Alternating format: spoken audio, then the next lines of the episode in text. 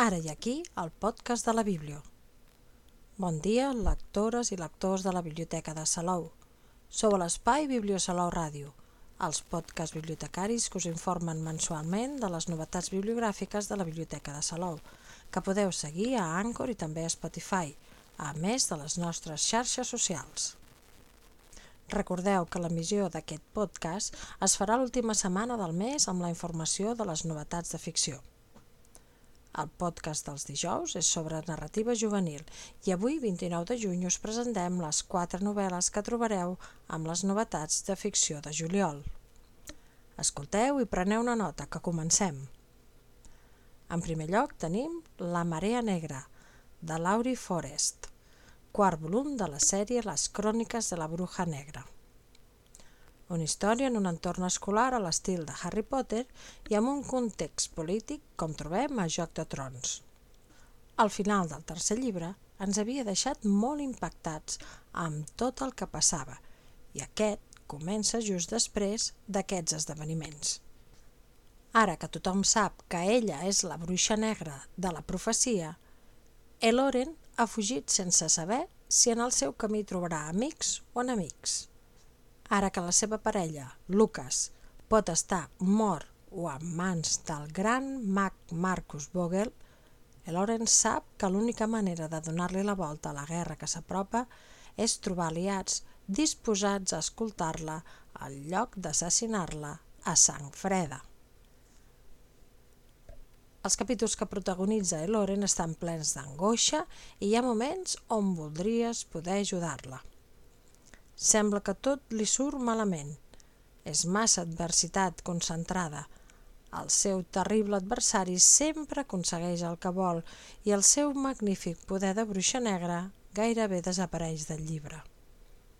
Amb forts missatges feministes, grans personatges secundaris i un rebel especialment aconseguit, els fans de Harry Potter devoraran les més de 600 pàgines d'aquest llibre. Continuen les novetats amb La Revelació, el darrer llibre d'Ariadna Godoy, una de les superestrelles llatinoamericanes de la plataforma Wattpad. La Revelació és el primer llibre de la sèrie Almes Perdides, on l'autora construeix un univers tenebrós en el qual les criatures de la nit ocupen cada espai i governen sobre els cors dels seus habitants. En aquest primer volum coneixerem a la Morgan, que lluita per conservar la seva humanitat després d'haver estat convertida en un vampir. El seu destí és ser enemiga mortal de Shadow, un poderós vampir. Quan els seus camins es creuen, Morgan descobreix que Shadow és la clau per a trobar les respostes de les preguntes que porta tant de temps fent-se. Els llibres Young Adult de vampirs són una bona opció pels joves als quals els cridi l'atenció aquesta temàtica i vulguin iniciar-se en la literatura fantàstica protagonitzada per aquestes criatures nocturnes.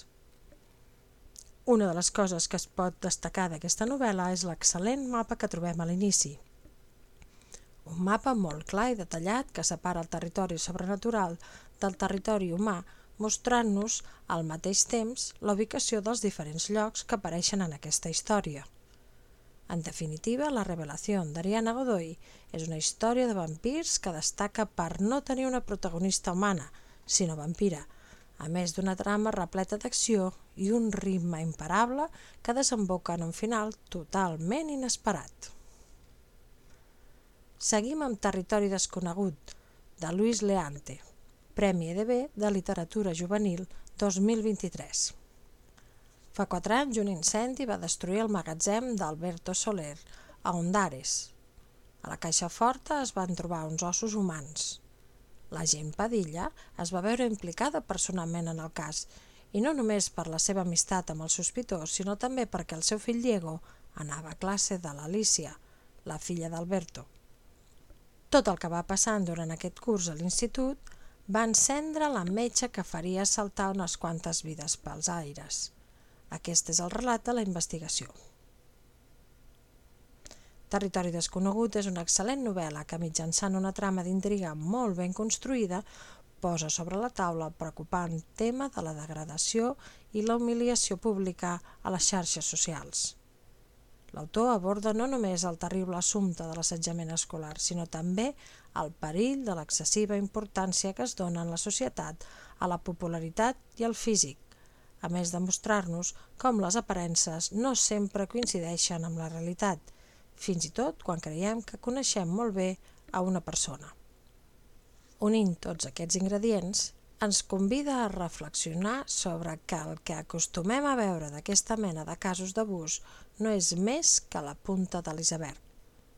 I tot això utilitzant un emocionant i intrigant estil narratiu propi del thriller i els documentals de True Crime. L'estructura de la novel·la és bastant original.